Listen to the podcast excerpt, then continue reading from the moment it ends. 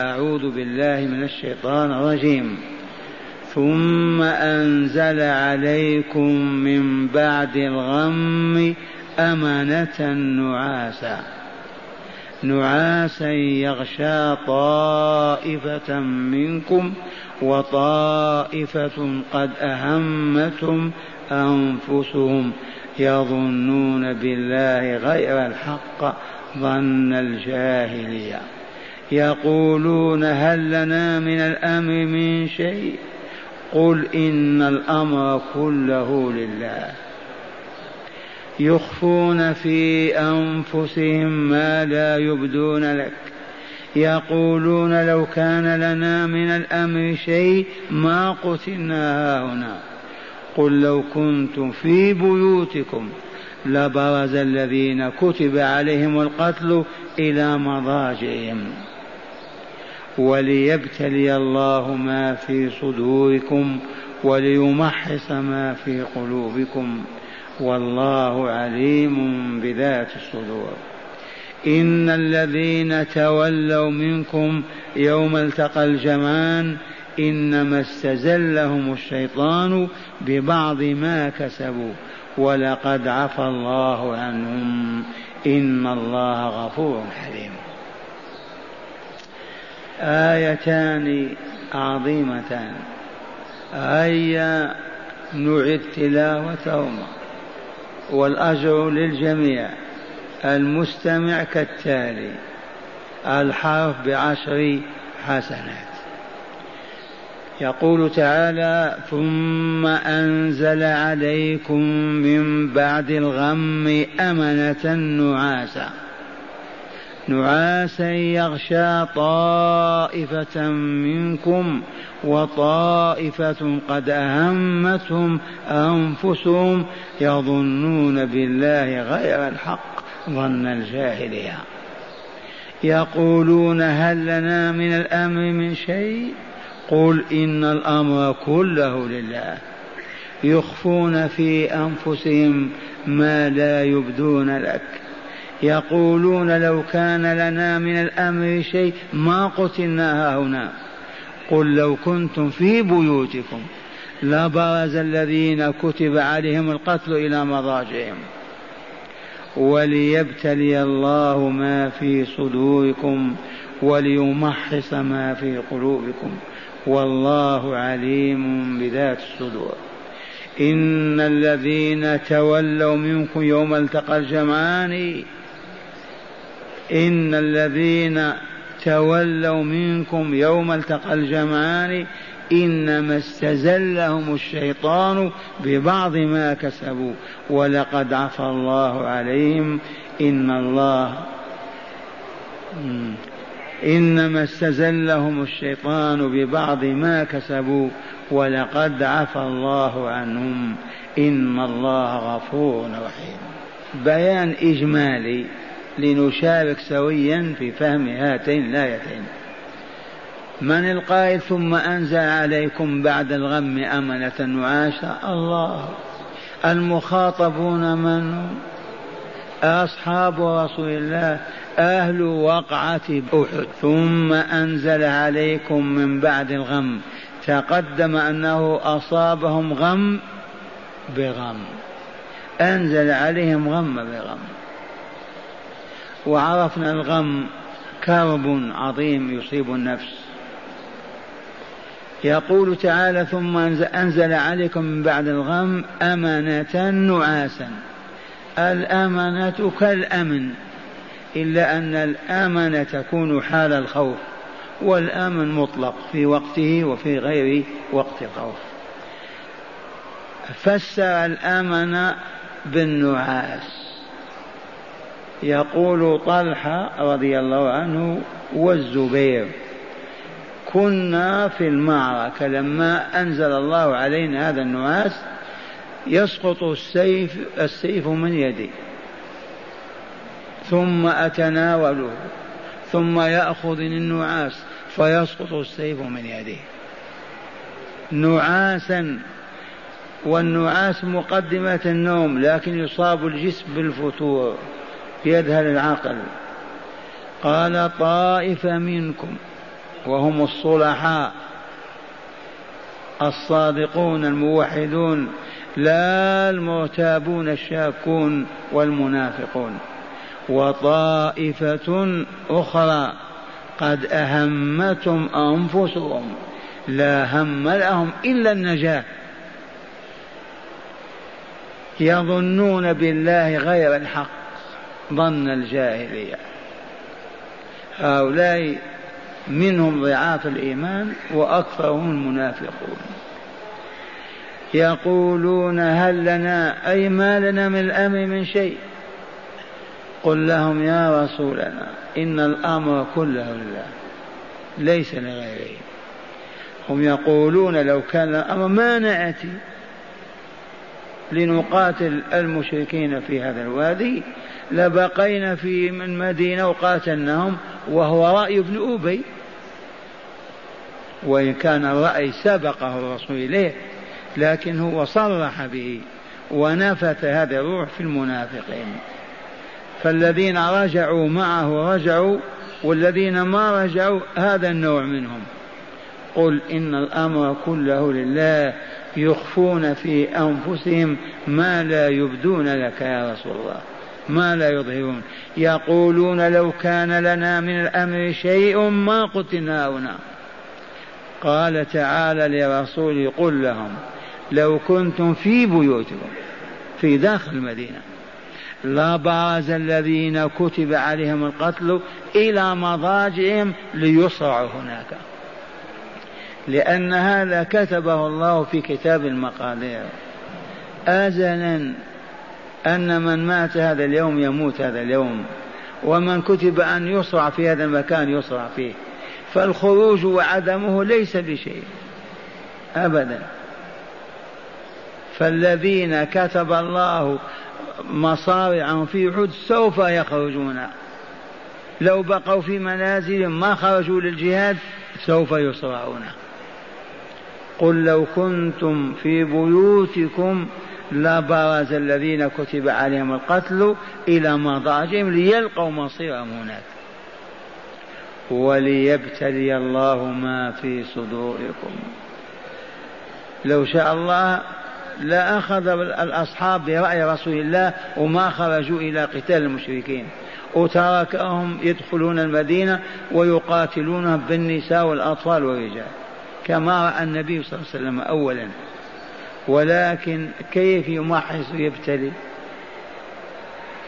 وليبتلي الله ما في صدوركم وليمحص ما في قلوبكم. وحسبنا أن ابن أمي عليه لعين الله رجع بثلاثمائة من الطريق. خرج الرسول صلى الله عليه وسلم بسبع بتسعمائة ألف إلى مئة. ابن أبي أثناء الطريق قبل وصولهم إلى أحد رجع ابن أبي ومعه ثلاثمائة. لو ما أمر الله بالخروج وكتبه كيف يظهر هذا النفاق؟ قال وليبتلي الله ما في صدوركم وليمحص ما في قلوبكم والله عليم بذات الصدور. إن الذين تولوا منكم يوم التقى الجمعان إنما استزلهم الشيطان ببعض ما كسبوا. ولقد عفى الله عنهم. إن الله غفور حليم. هذا يشمل طائفتين. تقدم لنا أن من بني حارثة وبني سلمة هموا بالرجوع. ولكن الله سلم. ما رجعوا استزلهم الشيطان أراد أن يوقعهم في هذه الزلة. ببعض ما كسبوا. ولنسكت عن هذا الذنب الخفي. إن قلنا المراد منهم جماعة بني حارثة وبني سلمة. وإن قلنا هم الذين نزلوا من على الجبل وهم الرماة فالذي كسبوا ومعصيتهم لرسول الله صلى الله عليه وسلم. ونزولهم لالتقاط الغنيمة وأخذ المال. إن الذين تولوا منكم يوم التقى الجمعان جمع المؤمنين وجمع المشركين والظاهر أنهم أصحاب الجبل الرماة. إنما استزلهم الشيطان ببعض ما كسبوا ولقد عفى الله عنهم. والحمد لله إن الله غفور حليم. بشرى لهم. الآن مع الشرح قال المؤلف غفر الله له ولكم ورحمه وإياكم وسائر المؤمنين معنى الآيتين اللتين تلوناهما. قال ما زال السياق في الحديث عن غزوة أحد من أيام. فأخبر تعالى في الآية الأولى عن أمور عظام خمسة. الأول أنه تعالى بعد الغم الذي أصاب به المؤمنين بعد الغم الذي أصاب به المؤمنين الغم عرفتم سببه؟ ما ننساه. أولا الهزيمة وفقد الغنيمة والثاني جراحات رسول الله والإعلان عن وفاة وموت رسول الله. وهذا الغم أعظم. إذا يقول أنه تعالى بعد الغم الذي أصاب به المؤمنين أنزل على أهل اليقين لا أهل الشك والشرك. أنزل على أهل اليقين خاصة. أنزل عليهم ماذا؟ أمنا كاملا. فذهب الخوف عنهم حتى إن أحدهم لا ينام والسيف في يده. من يقوى على أن ينزل هذا الأمن وهذه النعاس؟ في المعركة والدماء تسيل. ومع هذا ينام أحدهم حتى يستريح.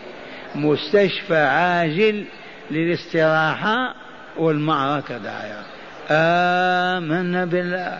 إن أحدهم لا ينام والسيف في يده فيسقط من يده ثم يتناوله قال أبو طلحة والزبير وأنس غشينا النعاس حتى إن السيف ليسقط من يد أحدنا فيتناوله من الأرض.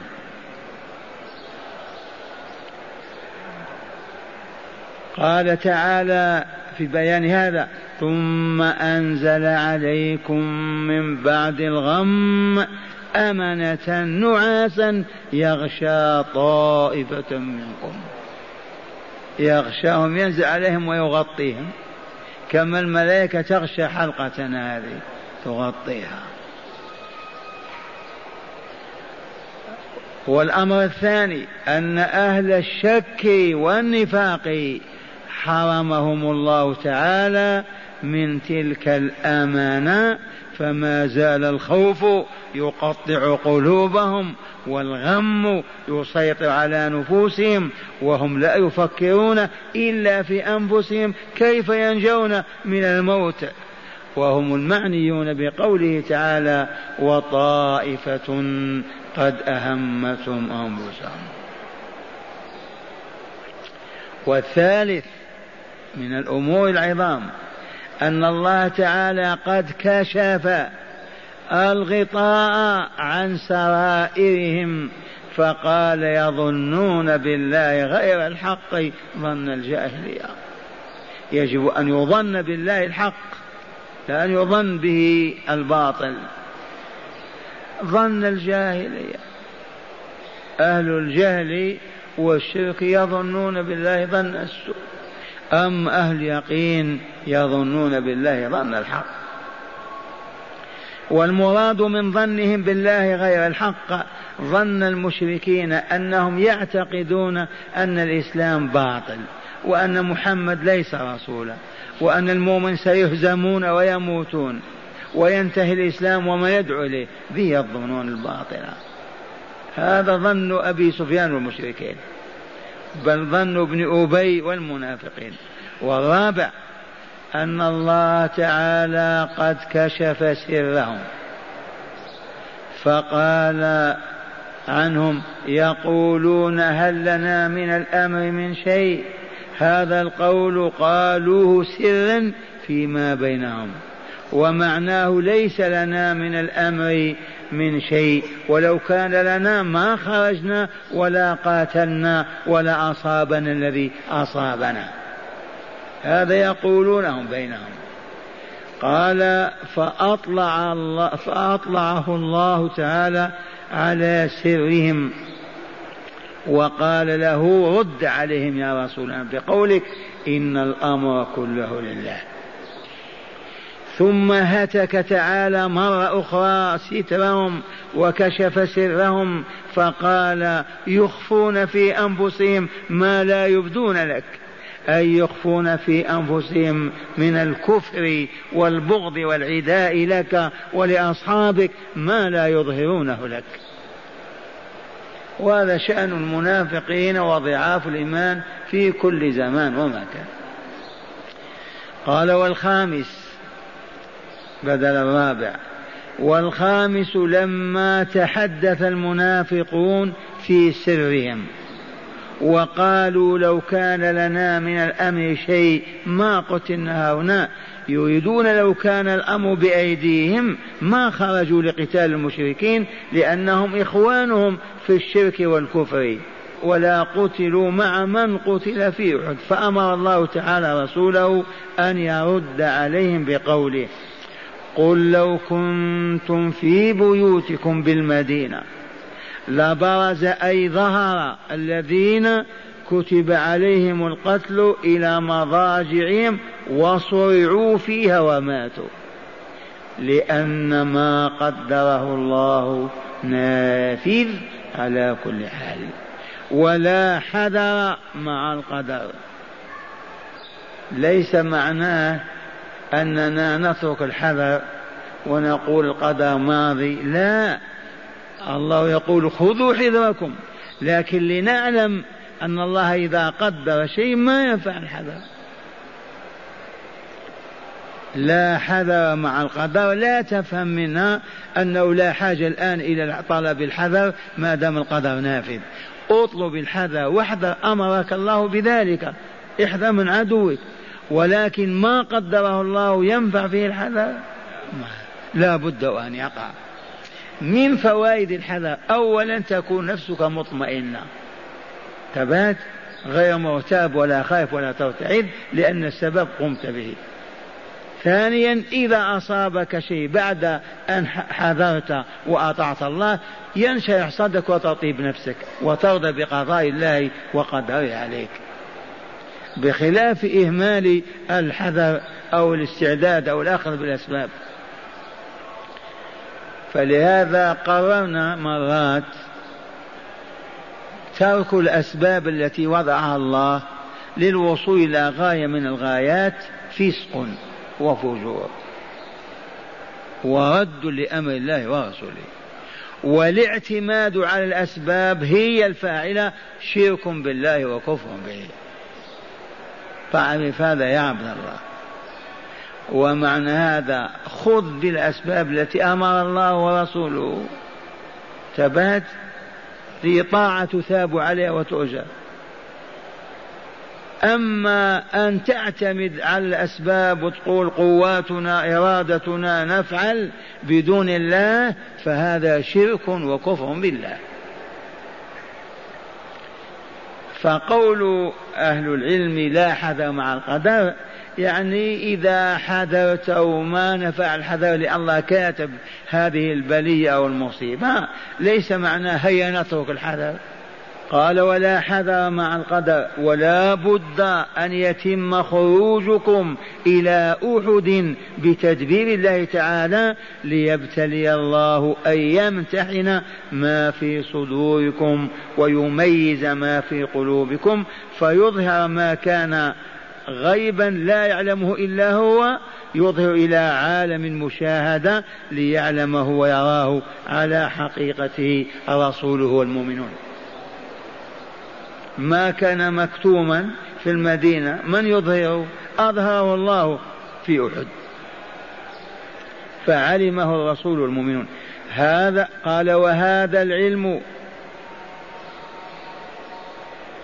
وهذا وهذا لعلم الله تعالى بذات الصدور. هذا معنى قوله تعالى قل لو كنتم في بيوتكم لبرز الذين كتب عليهم القتل إلى مضاجعهم. في أحد وليبتلي الله ما في صدوركم وليمحص ما في قلوبكم والله عليم بذات الصدور. فالعلم الذي كان غيب أظهره لنا وعرفنا المنافق من المؤمن الموقن. قال هذا ما تضمنته الآية الأولى أما الآية الثانية فقد تضمنت إخبار الله تعالى عن حقيقة واحدة ينبغي أن تعلم. حقيقة واحدة ينبغي أن يعلمها المؤمنون والمؤمنات. ما هي؟ وهي أن الذين فروا هربوا من المعركة. لما اشتد القتال وعظم الكرب الشيطان هو الذي أوقعهم في هذه الزلة. وذلك أوقعهم في هذه الزلة وهي توليهم عن القتال. تقدم إذ تصعدون ولا تلون على أحد بسبب بعض الذنوب كانت لهم.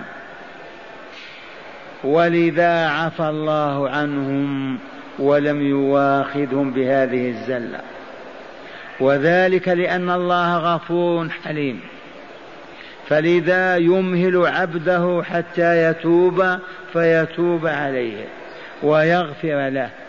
ولو لم يكن حليما لكان يواخذ لأول الذنب وأول الزلة. فلا يمكن احدا من التوبة والنجاة. لكن لحلمه ورحمته يمكن عباده يمهلهم حتى يتوبوا ليتوب عليهم ويغفر لهم. هذا معنى قوله تعالى إن الذين تولوا منكم أي عن القتال يوم التقى الجمعان أي جمع المؤمنين وجمع الكافرين بأحد. إنما استزلهم الشيطان ببعض ما كسبوا ولقد عفى الله عنهم فلم يواخذهم. إن الله غفور حليم. هذا معنى هاتين الآيتين الكريمتين. انتقلنا بهما من القرن الرابع عشر أو الخامس عشر. الرابع عشر والسنة الخامس عشر انتقلنا إلى أحد ومع رسول الله ومع أصحابه ومع المؤمنين ومع المنافقين وشاهدنا هذه الأحداث كدنا ننظر إليها. كيف تم هذا؟ بفضل الله في كتابه العزيز. القرآن الكريم. الحمد لله يقول هذا المحب ما الفرق بين الصدور والقلوب. الصدر هذا الجوف الذي فيه القلب. ففيه أشياء تعود في الصدر كوساوس وهواجس وأخرى تتركز في القلب. ثبات وما في القلب أصعب. كتمانه سهل. أما في الصدر يخرج على اللسان ما هو مضبوط. جزاك الله خير. والآن مع هداية الآيتين هل توجد آية ما تحمل هداية؟ لا والله. الهداية إلى أي شيء؟ إلى الإسعاد والكمال. الهداية إلى معرفة الطريق. فإذا سلك العابد في الطريق نجا وكمل وسعد هذا معنى الهداية. كل آية في كتاب الله لها هدايتها الخاصة. هيا نتأمل أولا. إكرام الله تعالى لأوليائه بالأمان الذي أنزله في قلوبهم.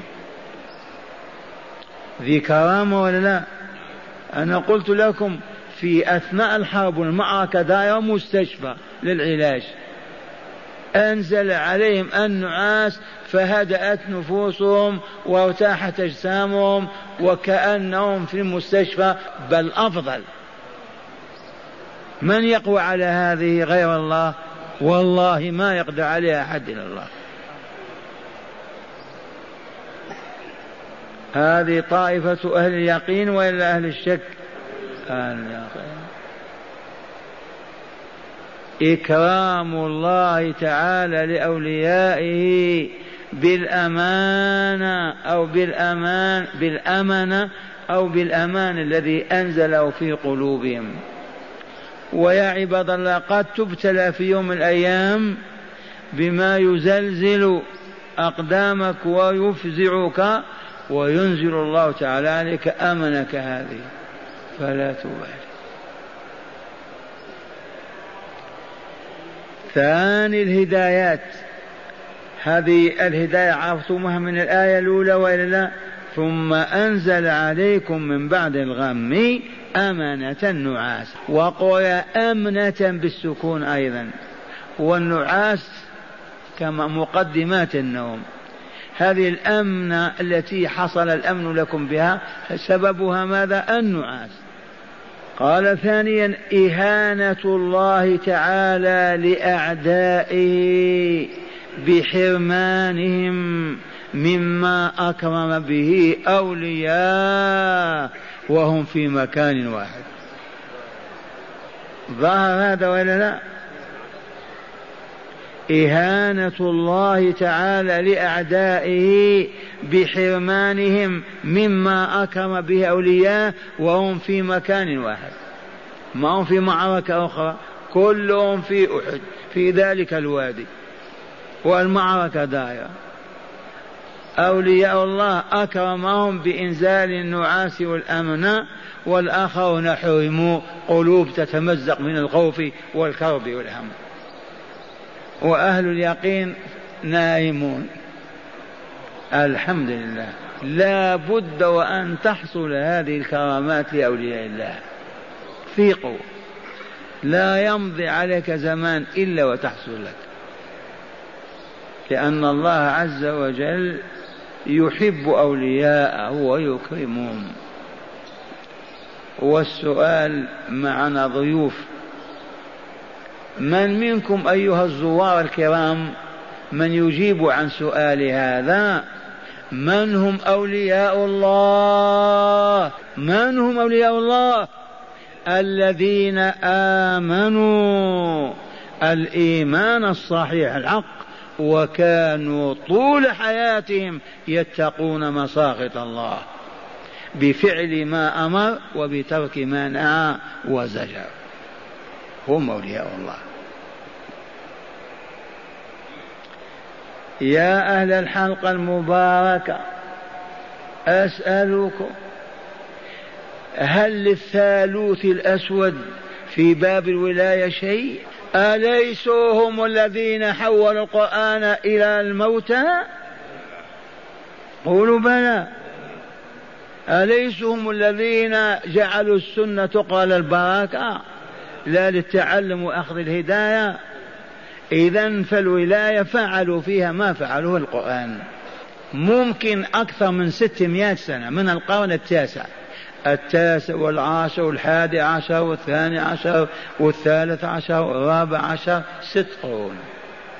وأنت لو تدخل القاهرة المعزية أو دمشق الشامية أو بغداد ماذا؟ كراتشي إندونيسيا ماذا تدخل؟ مراكش.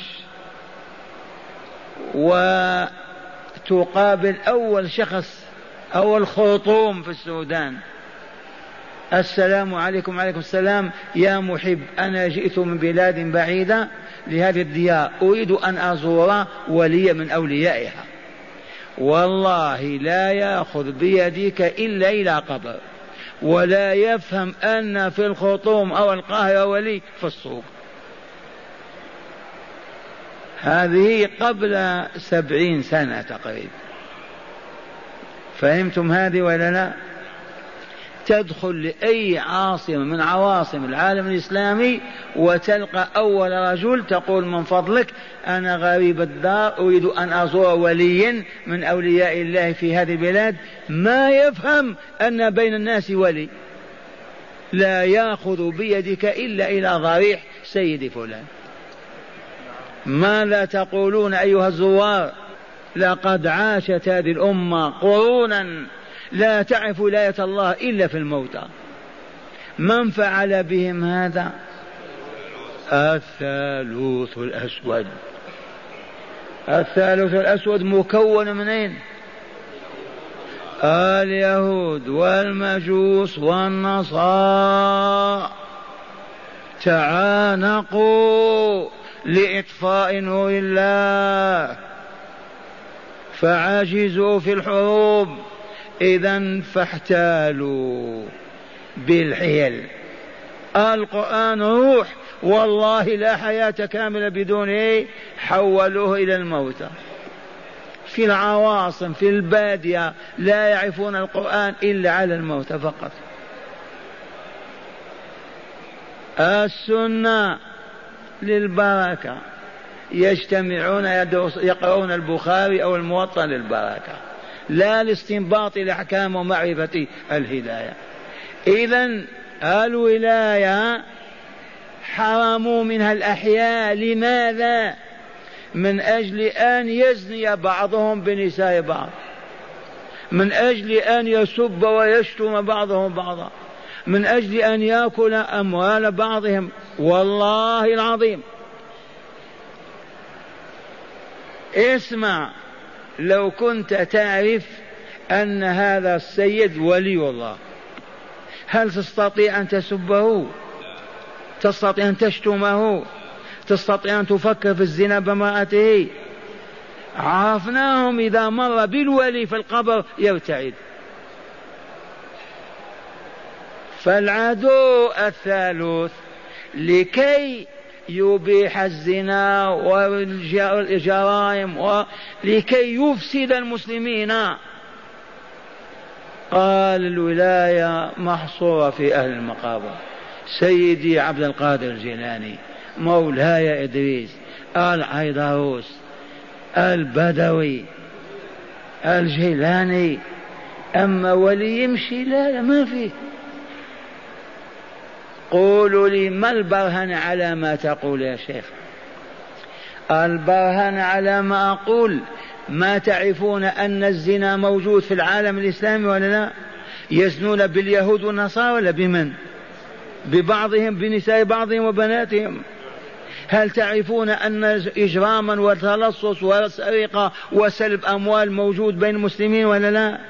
لو كانوا يعتقدون أنهم أولياء ما يستطيعون أن يؤذوهم.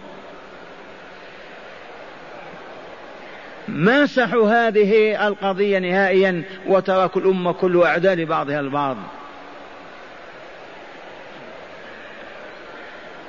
الحمد لله أن عرفنا. ذكرت لكم حادثة من ملايين الأحداث. كنت صبيا وجالسا مع شيوخ كبار حول المسجد. حدث أحد قال فلان إذا كان زنا لا يمر بالشارع الفلاني وهو جنب بالزنا احتراما لسيدي علي. ولي في القرية اسمه سيد علي. تبهتم؟ يزني بمرة مؤمن من إخوانه ثم يخاف ما يمر على قبر سيد فلان وهو جنوب الزنا. آه عرفتم ما فعل الثالوث؟ إيه عرفنا. هيا نغير وضعنا. ما نستطيع. ما نستطيع. من منكم يقول يا شيخ كيف نغير هذا الوضع؟ يقوم زعيم يقول بالخلافة. إيه متى توجد خلافة؟ كيف نغير هذا الوضع بالمال؟ ما عندنا أموال. هذا يحتاج إلى بنوك أمريكا كلها؟ أهل الحلقة يعلمون. إخواننا الزيار ما يعلمون. اسمعوا. أقسم بالله الذي لا إله غيره. لو أقبلنا على الله في صدق. نساء ورجال وأطفال. بوصفنا المؤمنين. وأصبحنا نجلس في بيوت الله جلسة هذه. أهل القرية أهل الحي الساعة السادسة يتوضؤون ويتطهرون ويلبسون أحسن ثيابهم ويحملون أطفالهم ونساءهم ويعمرون بيوت ربهم. ويصلون المغرب كما صلينا. ويجتمعون هكذا والنساء وراءهم دون دونهن ستارا والأطفال صفوف كالملائكة. وهناك من يراقبهم ويتلقون الكتاب والحكمة. ليلة آية من كتاب الله. وأخرى حديثا من أحاديث رسول الله. على أن يكون المربي عليما حكيما. ويأخذون في هذا النمو والكمال العقلي والطهارة الروحية والآداب العالية. أهل القرية أربعين يوما فقط. خلها عام. لم يبق فيها من يسب أخاه المؤمن. لم يبق فيها من يمد يده ليسلب مال أخيه المؤمن. لم يبق فيها من يفكر في أن يفجر ببنت أو بابن أو بامرأة أخيه المؤمن. لم يبق في القرية أبدا من يتلوى بالجوع وإخوانه شباع ولا يمشي عارية وهم مكسورون. ولم يبق من يظلم ويسكت عن ظلمه بل يؤدب ويهذب. وتصبح القرية كأنها في عهد أبي القاسم صلى الله عليه وسلم. ما الذي يضير العالم الإسلامي لو أقبل على الله بهذه؟ ما الذي يصيبهم؟ آه توقفت الأعمال؟ لا. والله ما توقفت. اليهود والنصارى في العالم بأسره إذا دقت الساعة السادسة وقف العمل. صح وإلا لا؟ الساعة السادسة في فرنسا ما يبقى عمل. في بريطانيا في أمريكا في اليابان. اشتغلوا من طلوع الشمس إلى غروبها. يكفي أو لا يكفي؟ يكفي ويسد الحاجة. واليهود والنصارى يذهبون إلى دور السينما والمقاصف والمعازف ليروحوا على أنفسهم خمس أربع ساعات ويعودون كالبهائم إلى في المدينة. من كتب أن يموت في مكان لن يموت إلا به هذا مظهر من مظاهر قدرة الله وهو دليل ومنطق القضاء والقدر. من أين أخذنا هذه الهداية؟ هاتوا يا أهل الآيتين. قل لو كنتم في بيوتكم لبرز الذين كتب عليهم القتل إلى مضاجعهم ليموتوا هناك. قال رابعا أفعال الله تعالى لا تخلو ابدا من حكم عالية. فيجب التسليم لله تعالى والرضا بأفعاله في خلقه سواء كانت نصرا أو هزيمه غنى أو فقرا ذلا أو عزه ما تم ذلك والله إلا لحكمة عالية. لأن الله حكيم عليم. ضربت لكم مرتين المثل. استعمار الغرب لنا بتدبير من؟ ذنوبنا هي التي أوقعته ولا لا؟ حتى نفيق ولا ولا نذنب مرة ثانية. هل أفقنا؟ إذا فنحن ننتظر.